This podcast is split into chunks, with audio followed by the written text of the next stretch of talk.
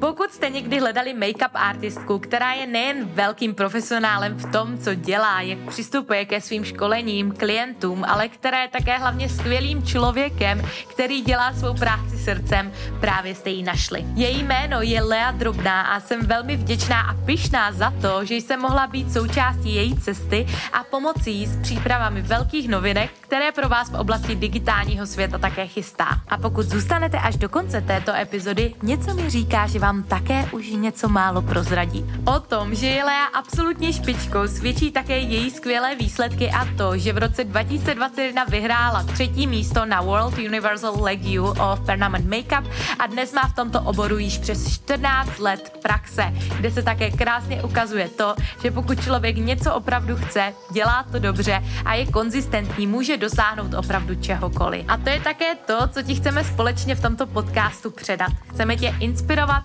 podpořit, představit ti něco nového z tohoto oboru a hlavně s tebou sdílet to, že ne vždy je podnikání úplně jednoduché a růžové. A to obzvlášť, pokud chce člověk budovat podnikání a přitom být skvělým rodičem pro své děti. Věřím tedy, že tuto epizodu ocení i všechny maminky, které bojují s organizací času a neví, jak to všechno zkrátka zvládnout. Zůstaňte tedy u této epizody do konce. Slibuji, že vás nesklame.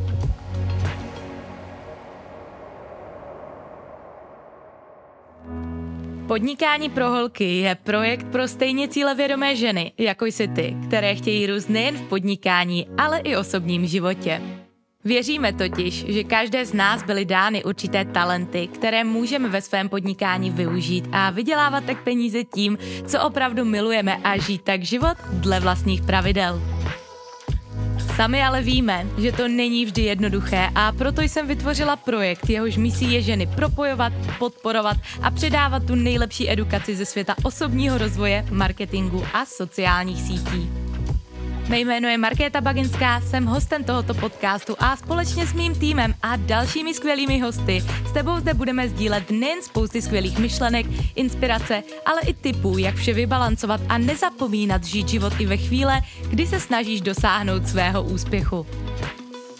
Podnikání totiž nemusí být vždy jen stres a starost, ale i zábava a radost a to obzvlášť ve chvíle, kdy cítíš vnitřní naplnění, touhu a máš vedle sebe komunitu, která je ti neustálou oporou a já věřím, že to ve tvém případě bude ta naše. Je to přesně to, co právě teď potřebuješ? Tak přihlaš odběr, ať ti nic neuteče a pojď se ponořit do následující epizody společně s námi.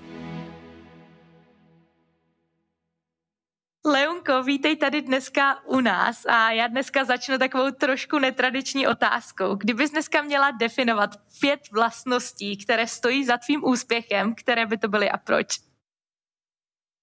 Ahoj, vieš čo, um, rozmýšľala som nad tým uh, veľa, pretože ja vlastne úplne, úplne úprimne neviem, čo konkrétne ma tak formovalo, ale asi najviac zo všetkého je to určite moja vedomosť, pretože ja mám pocit, že ja som extrémista v tomto. Do čohokoľvek sa pustím, tak všade cieľim najvyššie, ako sa dá. A pokiaľ sa tam neviem dostať, tak to radšej nechám tak. A takisto si myslím, že určite je to to, že som veľký dríč. A ja naozaj všetko, čokoľvek som v živote dosiahla alebo mala, vždycky to bolo naozaj veľmi náročné. A nič mi len tak neprišlo naozaj viem, že ak by moji rodičia mohli pomôcť, pomohli by mi, ale nikdy nebolo dáno a nikdy nebola možnosť, takže mm, všetko som si naozaj od nuly do posledného malinkého úspechu až veľkého som si vydrala sama. Myslím, že to.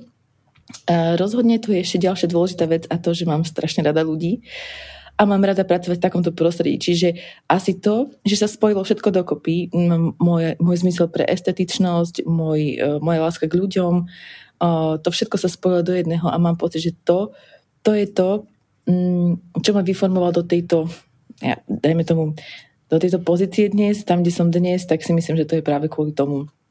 A ostatné také, ako že nemám absolútne žiadnu trpezlivosť, a takéto, to, to je tiež istým spôsobom, istým spôsobom, aj keď nie je úplne super vlastnosť, ale tam ma dostala tam, kde som, pretože ja som nedokázala dlho, dlho byť na jednom mieste a už nie som sa snažila šup, šup rýchlo niekto sa ďalej.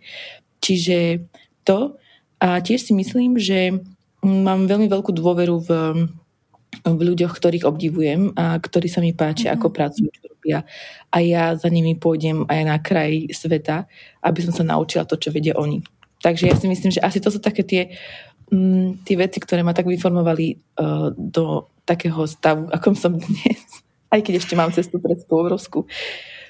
No. Myslíš si, že, že kdybys dělala méně, nebo respektive já ti rozumím v tom, že jsi extremistka, protože já jsem stejná, ale kdybych se tě zeptala na otázku, myslíš si, že bys došla do stejného místa, kdybys dělala méně? Mm, myslím, že áno, ale trvalo by mi to dlhšie. A ja si rada skrácujem cesty, pretože nevidím zmysel v tom. Ja som teda bola v istom období dlhodobo na jednom mieste, pretože som si myslela, že investovanie peňazí a tak ďalej, že niekedy je zbytočné, ako keby, že zvládnem to sama áno, zvládneš to sama, ale trvá ti to mnoho dlhšie. Prečo? Prečo? Mm-hmm.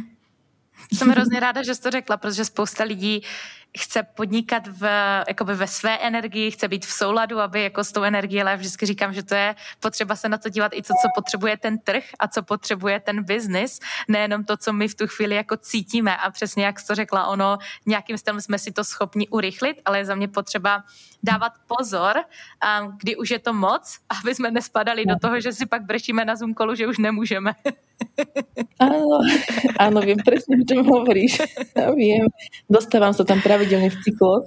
Presne z tohto dôvodu, že áno, že mám rada veci e, rýchle, mám rada rýchlych ľudí, mám rada všetko, keď fičí a ja proste som taká istá a tým pádom sa mi deje presne to, že v jednom momente si poviem, OK, toto som už prehnala, a už naozaj potrebujem na chvíľočku oddychnúť. Mm, áno, deje sa mi to. Super. Veľmi dobre.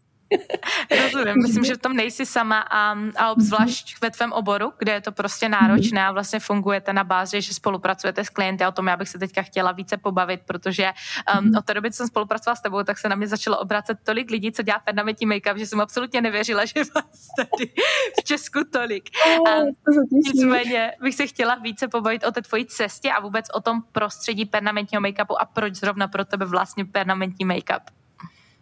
Vieš čo, e, je to také zvláštne, ale naozaj moji rodičia neboli vôbec nadšení z toho, že ja som sa dala na túto dráhu, pretože naozaj som bola dobrá v škole, naozaj mi to išlo aj na strednej, aj na vysokej. Jednoducho bola som taká, že ako hovorím, do čoho sa pustím, tak to idem na maximum.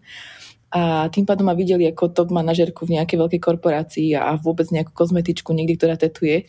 Hmm. Takže mala som s tým veľké, mm, nie že veľké komplikácie, ale nikto mi v podstate nechcel mm, Eh, uľahčiť tú cestu, skôr by som povedala, že naopak.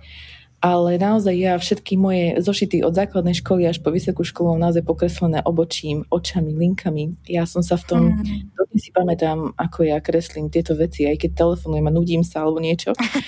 Čiže ja naozaj, ja som bola podľa mňa predurčená na túto na túto dráhu. Akurát, akurát bol problém v tom, že všetci okolo mňa videli skôr presne úplne inak, vzhľadom k tomu, že som sa učila dobre.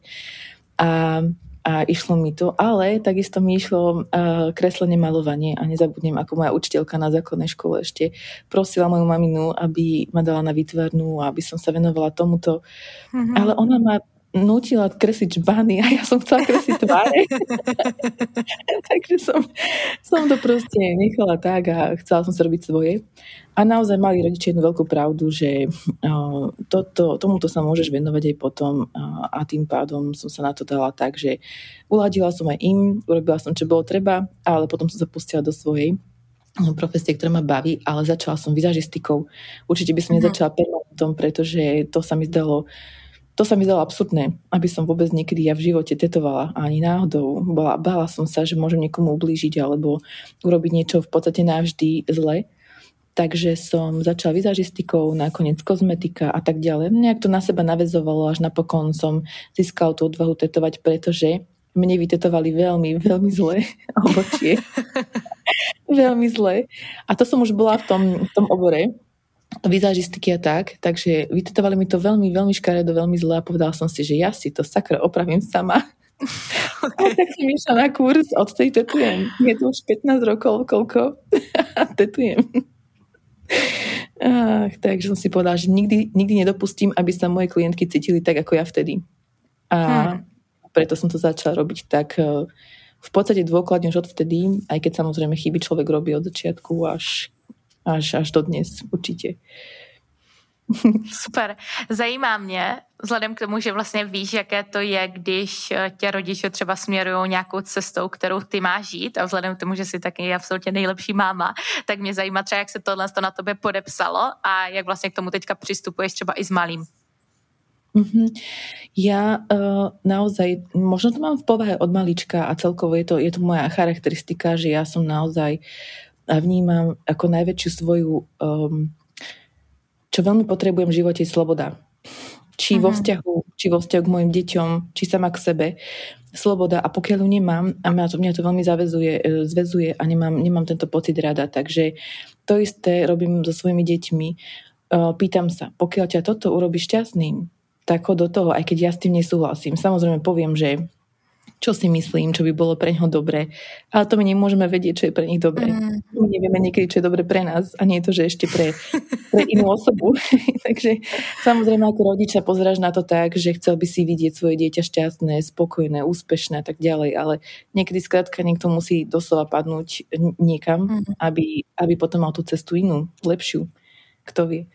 Takže tak, ja určite rozhodne takto tým, že ja som, aj moji rodičia neboli takí, aby ma nejakým spôsobom obmedzovali, ale samozrejme trošku ma formovali smerom týmto, týmto, pretože sa im to zdalo takto správne, takto správne, ale napriek tomu ja som za to veľmi vďačná, že aj tak, aj tak ma napokon nechali robiť, čo chcem. Hmm. Aj s poznámkami, že nie je to úplne pre teba OK, ale, ale to sa dá zvládnuť. Já si myslím, že ty bys jako i sama na sebe měla být pyšná, protože vlastně já předpokládám, že ty jsi šla teda na školu kde se ti jako moc nechtělo, co jsem z toho pochopila. A že vlastně si i potom nestratila tu svou vášeň a vlastně následovala si to, co si chtěla, protože si myslím, že spousta lidí právě tam to skončí, víš, že jdou tou cestou vlastně, kteří neordinují rodiče a pak si nedávno jsem konzultovala s kočkou, co dělá vlastně jako byl mm, sestřičku, studovala to hrozně mhm. dlouho a vlastně chtěla dělat něco úplně jiného, ale už to je, už jsem na to studovala moc dlouho, víš, takže to si myslím, že za to by si měla dát jako kredit. ono, víš, ono bolo obdobie, kedy som si povedala, že OK, veď to nie je taká úplne zlá cesta, veď, veď líčiť si môžeme popri, ale keď som mala naozaj veľmi dobrú prácu a veľmi veľmi dobre platenú, nezabudnem na to nikdy. Ja som sa proste jedného dňa rozhodla, že ja teda idem robiť naplnú vizažistiku, a čo sme naozaj padli s platom, povedzme si, akože obrovským, mm-hmm. obrovským skokom dolu, tak uh, všetci na mňa pozerajú, či som normálna, že či som naozaj normálna. Ale ja som cítila, že to je moja cesta. Aj keď bola ťažšia, mm, áno, bola ťažšia mm-hmm. rozhodne, ale ja som cítila, že chcem tú slobodu. Mňa všetky veci ohľadne papírov, byrokracie, kancelárií a tých istých ľudí každý deň bola pre mňa absolútne vôbec nie pre mňa. A tady jakoby, ty si vlastně vyměnila tu chvilku nekomfortu za to, aby si dělala to, co chceš dělat. A to hmm. spousta lidí neudělá. Spousta lidí si nechce odebrat na tu chvíli, že půjde prostě na to nižší plat, nebo že si prostě nebudou už moc dovolit prostě každý den na večeři do restaurace. Mm. Áno. Za ono, väčšina ľudí robí to, ja to vidím tým že, tým, že školím, tak vidím presne tento moment a to, že mnohí ľudia um, si ako keby držia chvíľku ešte tie zadné dvierka, čo je úplne v poriadku. Mm. Úplne v poriadku držať si chvíľočku tie zadné dvierka, ale pokiaľ to trvá dlho a sedíš na dvoch stoličkách, nie je skrátka možné, aby si na obidvoch stoličkách uh, robil 100%. Mm. Čiže viem, že mnohí ľudia by vyrástli veľmi rýchlo, ak by sa sústredili na tú jednu vec a zbytočne to nekomplikovali sebe aj ostatným v podstate napokon tým, že sedia na tých mm. dvoch stoličkách. Mm. Takže áno, ja som cítila v jednom momente, že OK, pracovala som v jednej sfére, robila som si kurzy a podobne v inej sfére a videla som, že OK, mám tam ten, ten talent, mám tam možnosť, že tú možnosť eh, sa vyvíjať a rozvíjať viac. Cítila som to intuitívne, že toto je pre mňa a tam som šťastná. A to robím dodnes. Ja v podstate, keď sa mhm. niekto ma pýtal ako dieťa, ako dieťa sa ma pýtali, čo chceš byť, tak ja som nepovedala profesiu, ja som povedala, chcem byť šťastná. A ja za tým idem celý život. ja chcem byť šťastná, my sa všetci smiali v škole, že čo šťastná? A ja chcem byť šťastná. A to je krásna otázka, si šťastná? Áno, som veľmi šťastná. Dnes som veľmi šťastná. A inak? uh, som unavená a šťastná. Tak by som to povedala. Áno, tá únava niekedy ťa trošku, trošku pomýli a myslíš si, že máš niečo komplikované, ťažké tak. Áno, je, je mnoho vecí ťažkých, ale som šťastná, že mám krásnu rodinu, ktorá ma podporuje, ktorá ma chápe uh, a zároveň, ktorá um, stojí pri mne aj v časoch, kedy je naozaj ťažko. Um, uh-huh. Po každej stránke. Psychickej, fyzickej a tak ďalej. Takže áno, som šťastná. Jsem hrozně ráda, že jsi to řekla, tak jak jsi to řekla, protože já si myslím, že ono to ani prostě nebo takhle, co to vlastně jako znamená být šťastný? Prostě přesně jak jsi to řekla, znamená být šťastný, být prostě v pohodě s tím, jaká si být zdravý a mít kolem sebe super lidi a všechno no. ostatní se pak nějakým stylem vyřeší. Ale tam vidím ten zásadní problém, že když vlastně lidi nedělají to, co je baví, takže tam mhm. je vlastně jakoby ta hlavní věc, která je ubíjí. Určite, ja to vnímam na sebe, že ja sa naozaj každý deň, ja, ja viem, že to, to, je, to je ten moment, kedy, kedy ja neviem uh, povedať nie, pretože milujem svoju prácu, absolútne to mhm. milujem a keď to nemám pár dní, tak mi to neskutočne chýba. Takže uh, chápem to, že mnohí na mňa pozerajú, že pracuješ príliš veľa, robíš príliš, príliš to, ale to nie je práca, pre mňa to je proste, ak niekto, ja neviem, rád chodí behávať a, alebo rád niečo robí, tak toto je to, čo ja robím rada. Ale áno, má to svoje úskalia, má to svoje úskalia, milujem pracovať s ľuďmi, milujem tetovať, ale už ma nebaví odpisovať na správy a nebaví ma riešiť admin a, a takéto veci, čiže na to samozrejme jedného dňa príde pomoc. Zatiaľ uh, to ešte stále rada riešim sama, takže áno, mm, presne ako hovoríš, jednoducho, že ľudia pokiaľ nerobia, čo ich baví, tak uh, nemôžu, nemôžu byť v komforte, nemôžu byť spokojní a tým pádom ani nešťastní. Rozumiem. Tak. OK, a teďka, kdyby se měla vyloženě zamyslet nad tím, co je pro tebe na té cestě nejtěžší, co by to bylo a proč? Najťažšie na tejto ceste podľa mňa je v mojom prípade je vedieť povedať nie na niektoré príležitosti. Hmm. Pretože ja na všetko hovorím áno. A potom je ten moment, že ja nevládzem a mám toho veľa. Veľmi druhá ťažká vec je určite sklbiť tú prácu s rodinou a s deťmi, pretože balancuješ niekedy, niekedy medzi tým, čo je dobre pre teba, pretože samozrejme máš rád sám seba a rád robíš veci, ktoré robíš rád a robíš ich napriek tomu, že máš svoje deti. A na druhej mm. strane sú malé deti, ktoré ťa potrebujú a ktorý, pri ktorých ten čas veľmi rýchlo uteká. Čiže pre mňa je toto asi najťažšie um, zvládnuť tento time management uh, práca a deti. A rozhodne asi taká tretia najťažšia vec pre mňa je uh, držať krok s tým trhom, ktorý sa neskutočne vyvíja. Neskutočne rýchlo. Hmm. takže... Um. OK, takže teďka to... myslíš uh, jakoby přizpůsobit se trhu v rámci tvého oboru nebo třeba v rámci marketingu a věcí, které chystáš? Určite aj v rámci marketingu, veď uh, najprv to som oslovila teba, pretože ja už naozaj nestíham popri všetkom, čo riešim, ešte mať čas na to sledovať ten marketing a sledovať, mm. aké sú No nemám na to priestor určite, takže na to sú presne perfektní ľudia ako si ty a, a podobne. Čiže ja si myslím, že odkedy som sa rozhodla investovať uh, do skrátenia času, Hmm. To znamená, uh, dáš viac peniazy za to, že ti niekto skráti čas, posunú, je pre mňa najlepšie rozhodnutie na svete, aké som mohla urobiť. A to robím v podstate už niekoľko rokov. Investujem, investujem, aj keď si niekto myslí, že permanentný make-up je, ako to by som to nazvala, veľmi profitabilný. Áno, nehovorím, že nie je, ale ja ešte stále, ešte stále veľa investujem. Takže nie je to tak jednoduché. A to je přesně důvod, proč jsi tam, kde jsi, protože podle mě lidi, jakoby co, nebo takhle, já jsem to nedávno říkal v nějakém videu, já jsem se z podnikání pro holky nevzala ještě ani korunu prostě. Všechno jsem prostě otáčela zpátky. A lidi si myslí, že prostě jako vydělají první peníze a vemu to zpátky a budu si prostě koupit na pařížskou kabelku, jako jo, prostě. No. no. Já tak kabelku si nemám dnes. Tak. A to si myslím, že jako tě hrozně odlišuje, víš, nebo nás jako nějakým stylem rozlišuje, protože rosteš. A, a pokud mhm. člověk vlastně má jenom vizi hned jako utrácet jako za věci, které vlastně nepotřebuje, aby zaujal lidi, které ho vlastně nezajímají, tak pak vlastně skončil. Takže to je celkem paradox. OK, a vzhledem k tomu, že ten váš obor leu celkem rozšířil, tak mě zajímá, um, co bys doporučila třeba lidem, kteří začínají? A druhá věc, co je třeba taková ta stíná stránka, o které se tolik nemluví a kterou ty by si spřála změnit? Mm-hmm. Začiatočníkom by som presne povedala to, čo sa teraz bavíme a to uh, nešetriť. Nešetriť, pretože ja keď vidím študentov, ktorí už na začiatku šetria na tom, že a kúpim si taký pigment, nie takýto, kúpim si len takýto stroj, nie takýto, ja si myslím, že to je len jednoducho predlžovanie si cesty. Zbytočne. Mm. Pretože naozaj ja si myslím, že kvalita sa prejaví a kvalita či v kurzoch, kvalita v materiáloch a tak ďalej sa prejaví. Ja som robila to isté, pochopiteľne každý robíme uh, chyby, ja som robila to isté.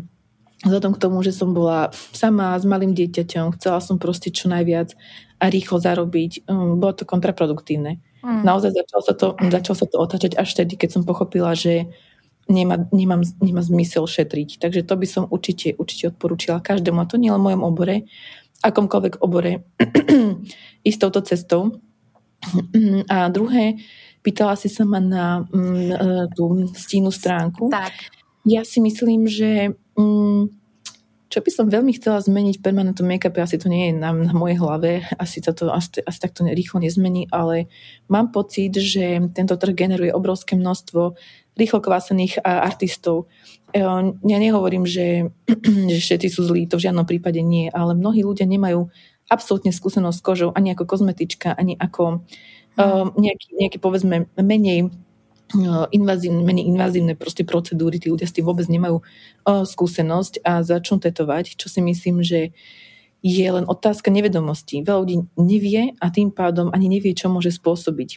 Ja hm. osobne si myslím, že by sa mal čas toho momentu, odkedy sa niekto naučí, až kým pôjde na prvú živú modelku, mal predlžiť a určite by um, sa mal trošku stiažiť, získavať tieto certifikáty, pretože nepáči sa mi možno, možno sa mi to nepáči, ja nechcem, nechcem komentovať, čo sa mi páči, nepáči, ale um, naozaj si myslím, že nás je tu hrozne veľa um, a tým pádom sa trošku tento trh degeneruje. tak to mm. mám povedať takto. Myslím, že to máš asi ve všech oborech a myslím, že to můžeš jako stáhnout na fitness trenéry, na lidi, co učí jogu, na lidi, co vyloženě dělají třeba i coaching. Já si myslím, že to je všude. Um, tady si myslím, že ta nejlepší cesta, jak co můžeš udělat, tak je vždycky edukovat lidi o tom, jak si vybírat správného make-up artistu, jak si vybírat správného kouče, jak si vybírat správného trenéra. A jsem hrozně ráda, že jsme na to narazili.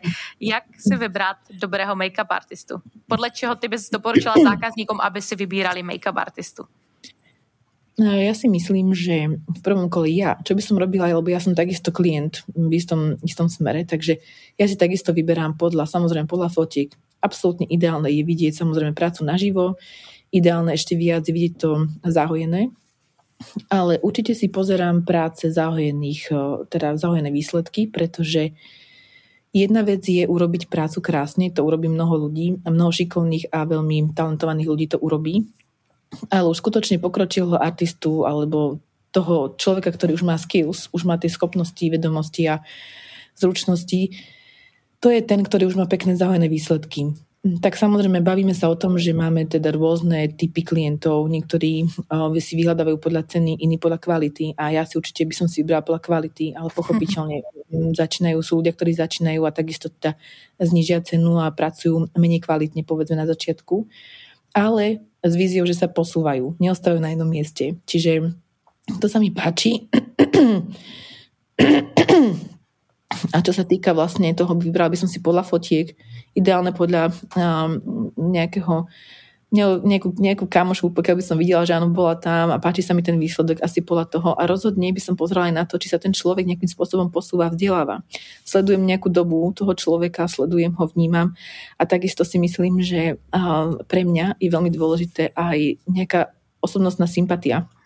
Ja si mhm. nejakého dôvodu vyberám aj podľa toho, ako samozrejme není ľahké nájsť aj profesionála, aj človeka, ktorý ti vyhovuje po každej stránke, ale, ale dá sa, ako nás je veľa a mňa odlišuje od teba to, že som iná. No, ty si mm. väčšinu, ty si skoro ja myslím to v, iných, v inej sfére. Um, odlišujeme sa aj týmto. Odlišujeme sa mm. mnohým. Ja som niektorým ľuďom nesympatická, zase naopak. Čiže m, podľa mňa to sú také normálne veci. Aj mm-hmm. podľa toho. Mm-hmm. Já si myslím, že je to hrozně důležité i z toho hlediska, že vlastně to máš, jak dlouho máš vlastně permanentní make-up orientačně? No, eh, keď pracujem s novou klientkou, tak pracujem aj 3 hodiny, niekedy 4, pokiaľ robím nejaké staré prerábky a potrebujem naozaj niekoho úplne, úplne zmeniť eh, farbu a povedzme, čiže takéto veci určite pracujem aj 3 hodiny. No a je Teďka to, to myslím, doba, že... jak dlouho to vlastne akoby vydrží? Ať navážu na no, tú cenu, okay. víš? Ako dlho to vydrží. Mhm. Tak. Permanentný make-up vydrží v závislosti od toho, aký sa použije pigment, pretože sú rôzne druhy pigmentov, ale ja pracujem väčšinou s takým, ktorý vydrží maximálne rok a pol, dva roky. Uh-huh. To znamená, že ja o rok a pol, dva roky vidím klientku opäť. A, a to je to. A ja si myslím, že veľký úspech je to, že sa klientky vrácajú. To je veľký úspech. Pokiaľ sa klientka nevráti, vnímam to ako uh, svoje zlíhanie z, nejakej, z nejakého uh-huh. dôvodu Řekla jsi to krásně. Ono, um, i ta statistika říká, že 80% zákazníků vždycky přichází, nebo takhle, 80% obratu přichází vždycky ze 20% zákazníků a to, že se za náma mhm. lidi vrací, tak to znamená, že jsme jim nejen doručili službu dobře, ale že jsme se o ně i starali a že jim sedíme jako lidi. A tam si myslím, že je jako dost důležité dělat nějaký návazný servis a s těma lidma prostě komunikovat a projevit asi nějak mhm. zájem, viď? No, presne to sa deje. Moje klientky so mnou komunikujú, komunikujú v podstate neustále, čo chvíľku som si na to musela zvykať, že sa mi to deje po večeroch a, a v časoch, kedy, kedy je to také, no, čak povedzme si. Ale tým, že tú prácu človek miluje, tak ho to nezaťažuje nejakým spôsobom. Samozrejme sú momenty, kedy by som si potrebovala oddychnúť a vyrušuje to ale za iných okolností, či študenti alebo či klientky, pokiaľ potrebujú nejakú odpoveď, ja nemám najmenší dôvod mm, im nepovedať. Mm. Pretože ja si viem predstaviť, ako sa človek cíti, pokiaľ má prvýkrát v živote vytetované obočie, má to na tej tvári a povedzme si my mhm. ženy to veľmi riešime. Čiže ja absolútne chápem strachy, obavy každej klientky, ktorá, ktorá píše nešťastná, že sa niečo udialo, lebo ten proces toho hojenia nie je veľmi príjemný. Takže úplne rozumiem tomu, že že majú obavy a píšu nám. Mm, takže na mieste tej klientky odpovedať a skrátka je taká doba, že máme Instagram, máme Messenger, máme všetko možné, čo je tak rýchlo dostupné. Ona vidí, prečítanú správu a hneď mi volá, že ako to, že neodpovedám. tak a sú to niekedy také momenty, kedy si poviem, OK, Uh, ona chcela na odpovedí, je to v poriadku. Môj muž je v tomto úplne úžasný, že niekedy sa stáva sa občas, že sa vytočí na niektorých veciach a môj muž je v tomto úžasný, že láska, veď ona nevie, veď ona nevie, veď ona prvýkrát má, ona musí tak vrátiť naspäť. Skvelý. Takže úplne super, krásne so mnou uh, pracuje, pretože vidí na mne, že niekedy som z toho vyčerpania človek niekedy by chcel pokoj a prichádzajú tie isté správy každý deň, každý deň dokola tie isté, v podstate opakujem sa, ale naozaj tam, hmm. tam prichádzajú tie isté otázky. Rozumím. Nějakou cestu se určitě vyřešit nějakým systémem. Na druhou stranu ten osobní kontakt bude pro ty lidi hrozně důležitý a jako pokud, mhm. pokud tě ta práce baví, tak není asi jediný důvod, proč to, proč to nedělat. Tam akorát mhm. asi je dost důležité znát i své hranice, protože třeba mi taky klienti píšou, ale já třeba osobně odpovídám na zprávy jen ráno. Odpovídám na mhm. zprávy jen ráno, mám teda tu výhodu, že mám sedmihodinový časový náskok.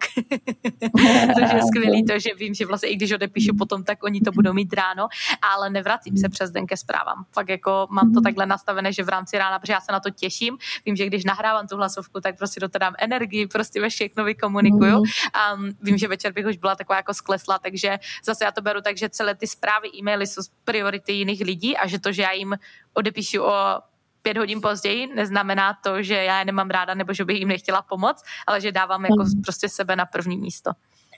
To áno, to je to, to je to, čím sa podľa mňa musíme ľudia naučiť pracovať, keď začíname mať toho naozaj veľa, naučiť sa zariadiť si to tak, aby, uh, aby človeka to neobťažovalo, aby, aby nevyhorel v podstate.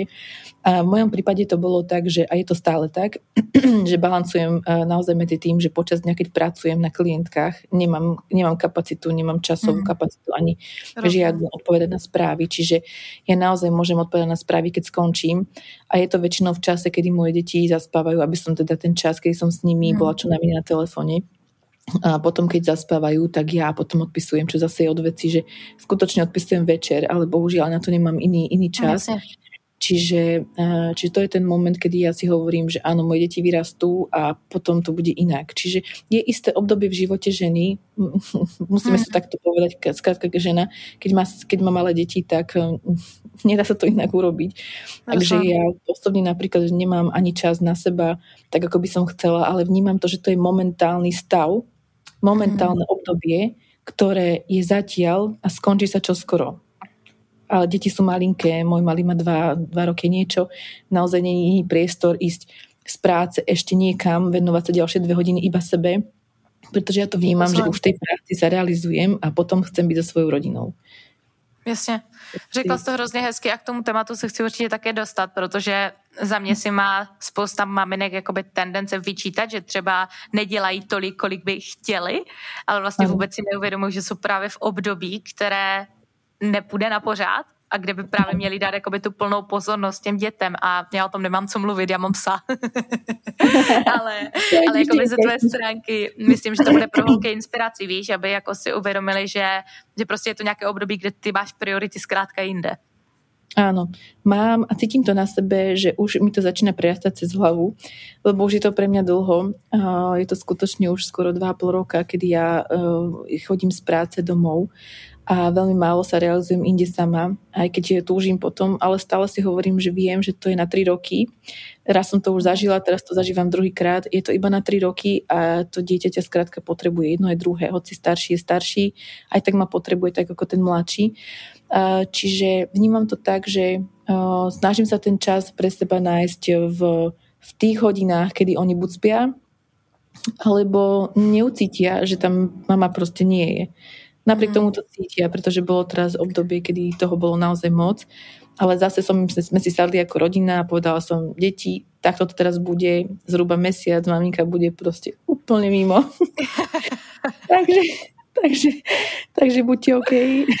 no samozrejme, že išli spať s tým, že á, zase s nami nejdeš ty a zase to a zase to. Ale zvládli sme to, zvládli sme to a, a myslím si, že oni spolu so mnou tak spolupracujú úžasne, pre, že ne, nemôžem ani byť vďačnejšia za tieto decka, ktoré mám. Mm-hmm. Jo. OK. Když jsou ty chvíle, kdy je to hodně, kde v sobě nacházíš motivaci pokračovat? Mm, rozmýšľam nad tým, je to veľmi dobrá otázka, pretože ja v podstate ani neviem, ani neviem na to odpovedať, pretože mm, ja nemám motiváciu v tom zmysle, aby, ja neviem, niekto chce mať krajší dom, alebo ja neviem, krajšie auto, niečo chcem mať. Ja to vôbec nemám spojené s peniazmi alebo s materiálnym svetom. Pre mňa je skrátka uh, úžasný pocit, keď mi klientka napíše uh, správu, aká je spokojná, ako som jej zmenila život a špeciálne alopetičky alebo onkopacientky mm. alebo ľudia, ktorým naozaj dokážeš veľmi zmeniť život. Ja osobne, je, nech to znie akokoľvek, ja uh, tým, že som mala biele vlasy, biele obočí, ja som proste bez make-upu neexistovala, čiže ja som to mhm. veľmi pocitovala, aké, aká obrovská pomoc to je odrazu sa ráno zobudiť pekný. Keď tmavé baby, ako ste vy, vy to máte v tom super, že proste vy máte tú tvár stále, ale tá svetlá, svetlá tvár to proste nemá a tie čerty, hoci môžu byť pekné, ale skrátka tam ten človek tú farbu nemá a, a vyzerá inak. Čiže ja som to veľmi vnímala, že ako pubertiačka, keď som sa začala trošku líčiť, tak na mňa pozerajú ľudia úplne inak. A vnímala som, že ja takto chcem byť stále. Ja nemám ten mhm. dar mať tmavé obočia, tmavé vlasy, tmavé myhalnice, čiže ja som si hovorila, že toto je cesta pre mnohých ľudí a ja úplne chápem človeka, ktorý mi potom napíše, ako som mu zmenila život alebo mm, ako sa cíti krásny odrazu a tak ďalej. Čiže to je to, čo mňa poháňa ďalej. To je študentka, ktorá mi napíše, ako vďaka mne mala spokojné klientky alebo ako sa cíti bezpečnejšie v tej práci. Hmm. To sú tie momenty, ktoré mňa poháňajú ďalej. A, samozrejme, tak ako som veľmi emocionálna, tak ako veľmi ma pohňajú ďalej tieto, tak tak ma niekedy vedia sundať tie nepríjemné, ale, ale aj to sa deje. Aj to, to sa super. bohužiaľ deje. Proste sú ľudia, ktorí nikdy nebudú spokojní a ty sa môžeš rozdať na 2000%. Proste ten mm-hmm. človek nebude nikdy spokojný. Super téma. Um, presne deje. No. no. Myslím, že se s tím asi každý ve službách potkal, že se právě jakoby může roztrhat a ne všichni s tím že někteří lidi to prostě jakoby nějakým stylem zneužijou. Um, mm-hmm. A já jsem vlastně, když jsem si procházela toto situací, tak jsem si uvědomila, že ty lidi to vlastně dělají nevědomě, ale na schvál, aby zhodili tebe dolů. A mm-hmm. pro mě to bylo vlastně takové hrozné uvědomění, že to není moje chyba, že jsem udělala to nejlepší a prostě pokud se to někomu nelíbí, takže prostě, co mě pomohlo, jakoby nebýt na to člověka naštvaná, ale odpustit mu a poděkovat mm. a jít dál. To je prostě jako mm. absolutně nejvíc. Vieš, čo je to tak, ale na druhej strane hovorím si veľakrát, že uh, aj to ťa niekým spôsobom posúva. Uh, veľmi ťa to posúva, ak ťa niekto uh, na schvál ti robí zle a, a snaží sa ťa proste nejakým spôsobom sundať. To je podľa mňa super na druhej strane, že ty sa naučíš s tým pracovať. Buď ťa to položí, alebo si povieš, uh, ja viem, že robím najlepšie, ako môžem. A takisto si myslím, že na začiatku, keď niekto začína tetovať alebo akékoľvek inej službe, čokoľvek robíš, pokiaľ nemáš ešte dostatočné sebavedomie, tak ťa to môže naozaj veľmi rýchlo položiť. Mm. Ale dobre je vidieť tých ľudí, ktorí sú už niekde inde a vidieť, že aj oni mali túto cestu Aj oni si zažili to, že im klientka píše nepríjemná, arogantná, alebo že proste, ja neviem, prvýkrát školy, že nejaká študentka ti povie nejaké veci. Proste skrátka to sú um, uh, dobré veci. Aj keď ja som sa naučila, som sa jednu dôležitú vec v živote a to, že všetko, čo sa mi v živote deje, je to najlepšie v tom momente, čo sa mi môže diať. Aj keď to teraz tak nevyzerá. Ale je to to mm. najlepšie. A tým sa mhm. riadím celý život. Je to veľmi oslobodzujúce. Veľmi. Cítiš se sebevedomá? Dnes už áno.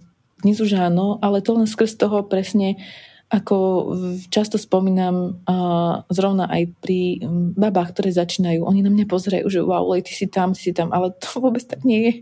Ja sa každý deň potýkam s, s pochybnosťami, každý deň uh, mám rešpekt pred každou klientkou, ešte stále, ale už cítim to, že, že ja tomu dávam všetko, všetko a musí so mnou spolupracovať aj tá klientka a rovnako tá študentka. Už, už neberiem zodpovednosť za ostatných, nepreberám. Hovorím si stále, že ja som urobila 200%. A čo urobí ten, ten druhý, to už je na ňom. Čiže to sebavedomie podľa mňa prichádza postupne aj s tvojimi výsledkami, aj s tým, čo do toho vložíš, čo preto urobíš a napokon vidí z toho to, že ty si na maximum a už za mm. ostatných zodpovedáš. Krásne. Wow, teďka s týmto vším tady husí kůži. Vieš, že to vnímam takto s konkurenciou presne, že o, s mnohými sme kamošky a s mnohými sa takto bavíme a je to strašne krásne, keď sa stretneme a strašne krásne, toto spojenie nemám rada. Je to veľmi krásne, keď sa spolu stretneme a, a hovoríme si tieto všetky možné zážitky a tak. A mnoho, mnoho báb, ktoré ja obdivujem a ktoré sú maximálne šikovné, tak aj oni sa potýkajú s tým a tak si človek povie potom, OK, ja som na nejakej uh, úrovni z hľadiska toho, že už pracujem nejakú dobu, už mám nejaké skúsenosti, zručnosti a tento človek má takú istú cestu, všetci máme tú istú cestu. Neexistuje skratka, neexistuje um, žiadne preskočenie týchto situácií. Ty musíš zažiť aj neúspech, aj zlé investície, aj chyby. Čiže keď vnímam, že študentky mi píšu, čo si mám kúpiť a čo mám urobiť, ty si proste prejdi túto cestu, nechci odo mňa všetko uľahčovať. Prejdi si to, mm. aj tie chyby, urob aj tie zlé investície. Urob všetko, pretože to ťa bude takisto posúvať a formovať ďalej.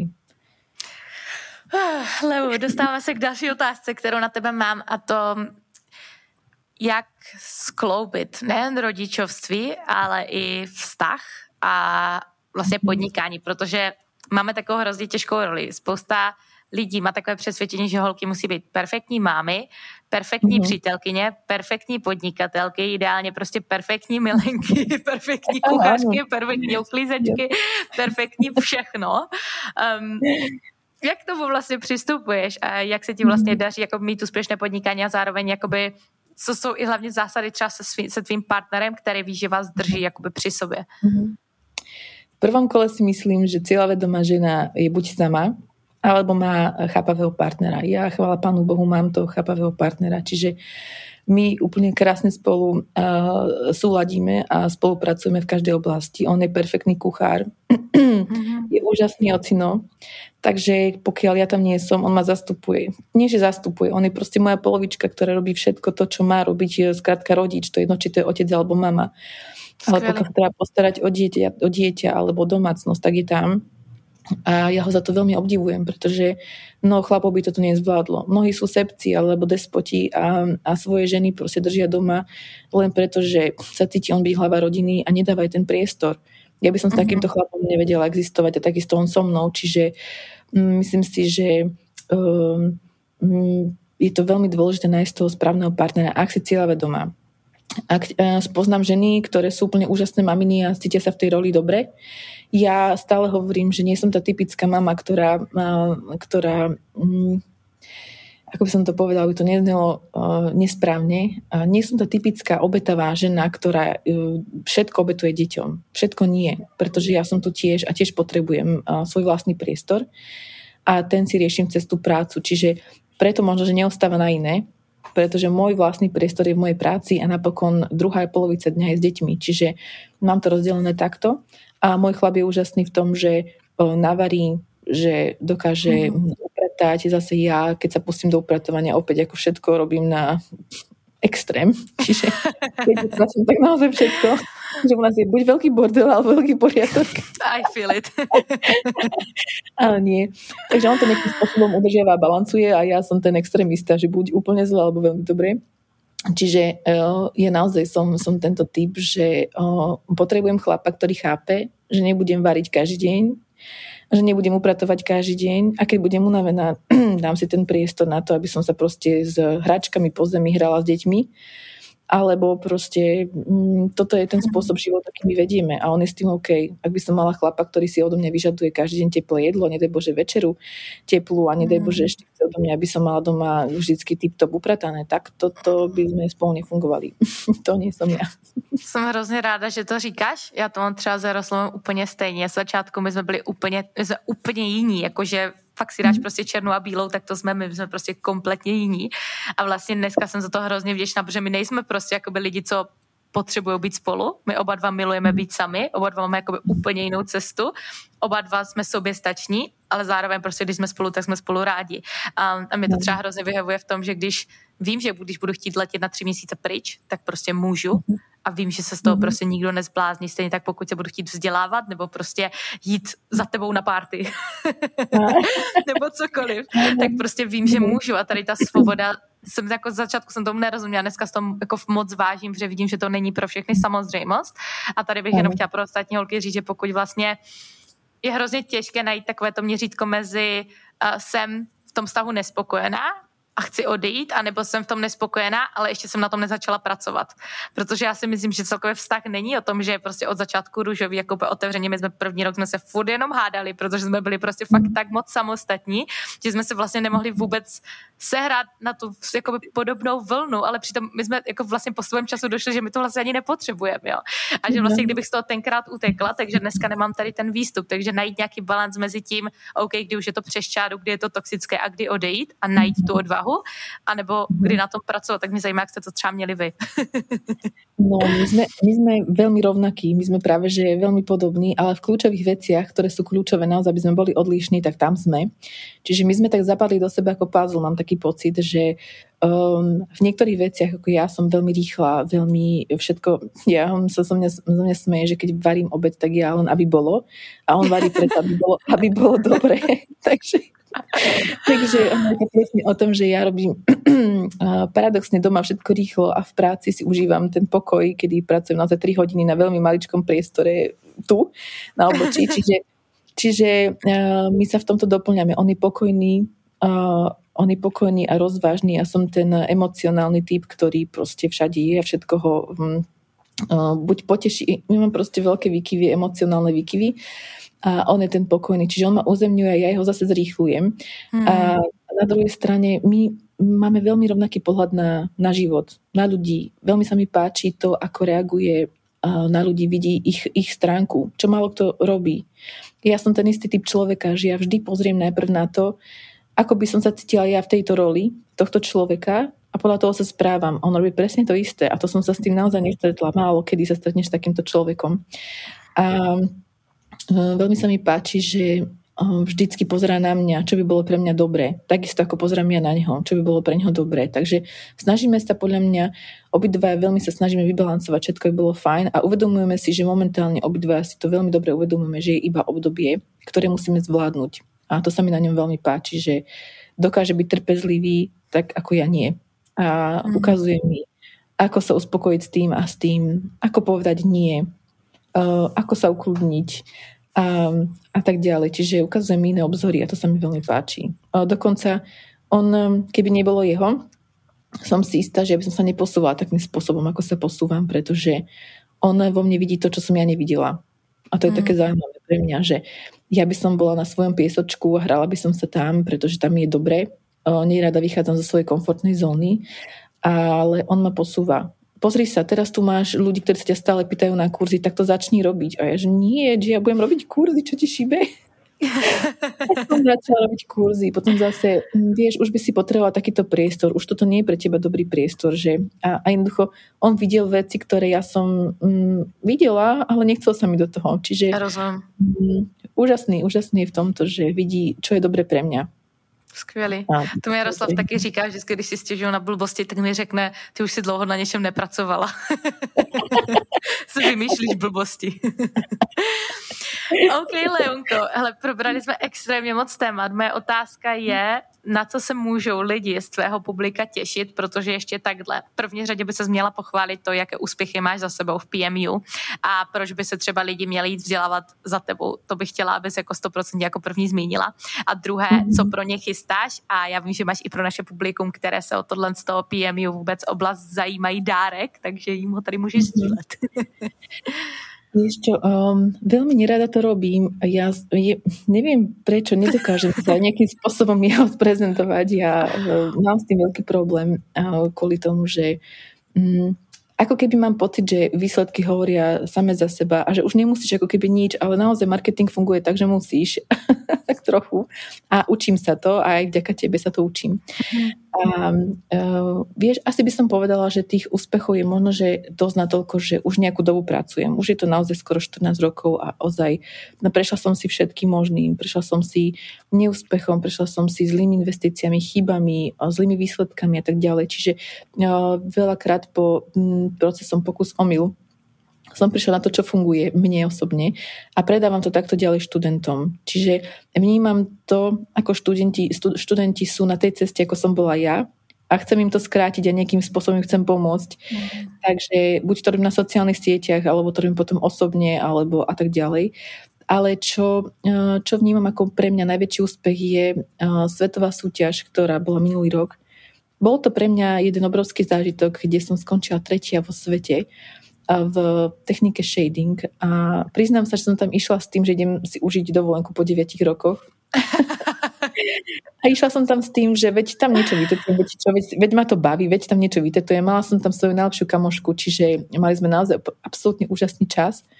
A bola som tam s babami, ktoré mám rada z oblasti permanentného make-upu zároveň, čiže fakt sme mali super partičku a bolo to, bolo to paráda a zároveň som odišla s tým titulom. Čiže mm, bol to pre mňa jeden obrovský zážitok a myslím si, že jeden z najväčších úspechov, keď som mala.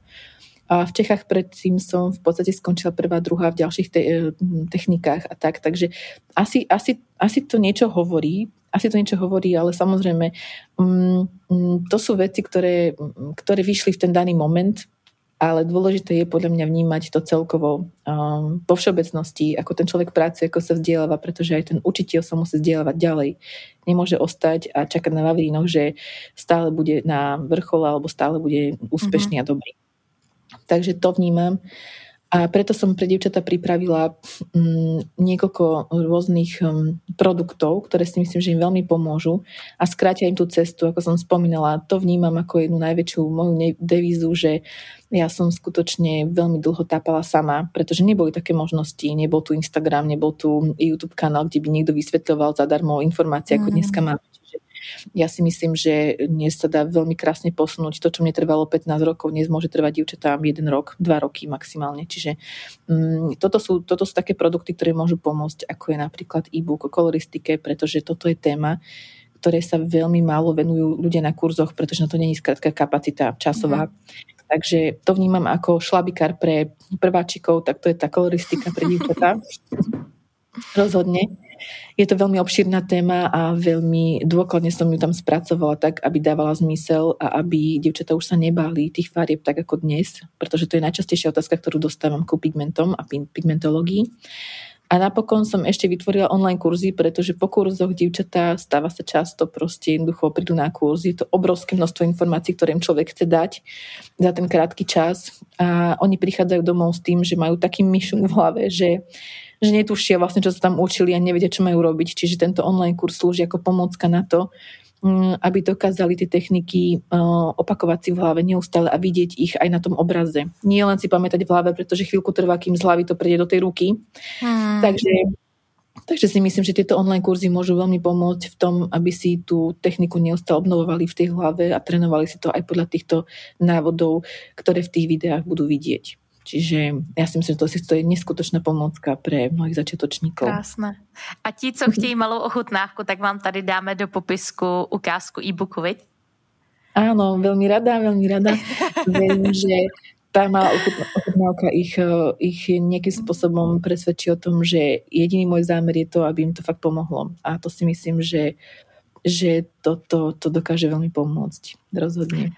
Je tady poslední věc, kterou bys Leu chtěla vzkázat holkám, které začínají v podnikání a nejen teďka třeba v PMU, ale ve všech sektorech, která jedna věc by to byla a proč? Ja si myslím, že treba začať, aj nie si pripravená to je taká informácia, ktorú mnohí ľudia, samozrejme, ako som hovorila aj na začiatku, že mám, určite potrebuješ mať nejaký ten čas na to, aby si to naučila. To nie je tak, že si z kurzu ideš hneď na živý model, to nie. Ale veľa ľudí vnímam v mojom okolí a moje študentky hlavne, že sú veľmi šikovné a títo šikovní ľudia, práve títo šikovní ľudia, ktorí si uvedomujú, že ako, ako môžu niečo pokaziť, tak tí sa do toho nepustia, lebo sa stále boja. Strach je v poriadku, rešpekt je v poriadku, ale nie v poriadku, ak ťa zavezuje takým spôsobom, že sa nikam neposunieš. Čiže ja osobne by som poradila všetkým ľuďom, že začni, aj keď nie si 100% pripravená. Nemusíš mať krásny salón, nemusíš mať 100% všetko, ale začni minimálne na tom, aby si budovala pomaličky, po kroku, krok po kroku, schod po schode svoju, svoj biznis, svoj úspech. A ja si myslím, že skôr či skôr sa dostaví. Ale každý deň urobí jeden krok. Leonko, já ti obrovsky děkuji za tvůj čas. Poslední věc, kde tě může naše publikum najít?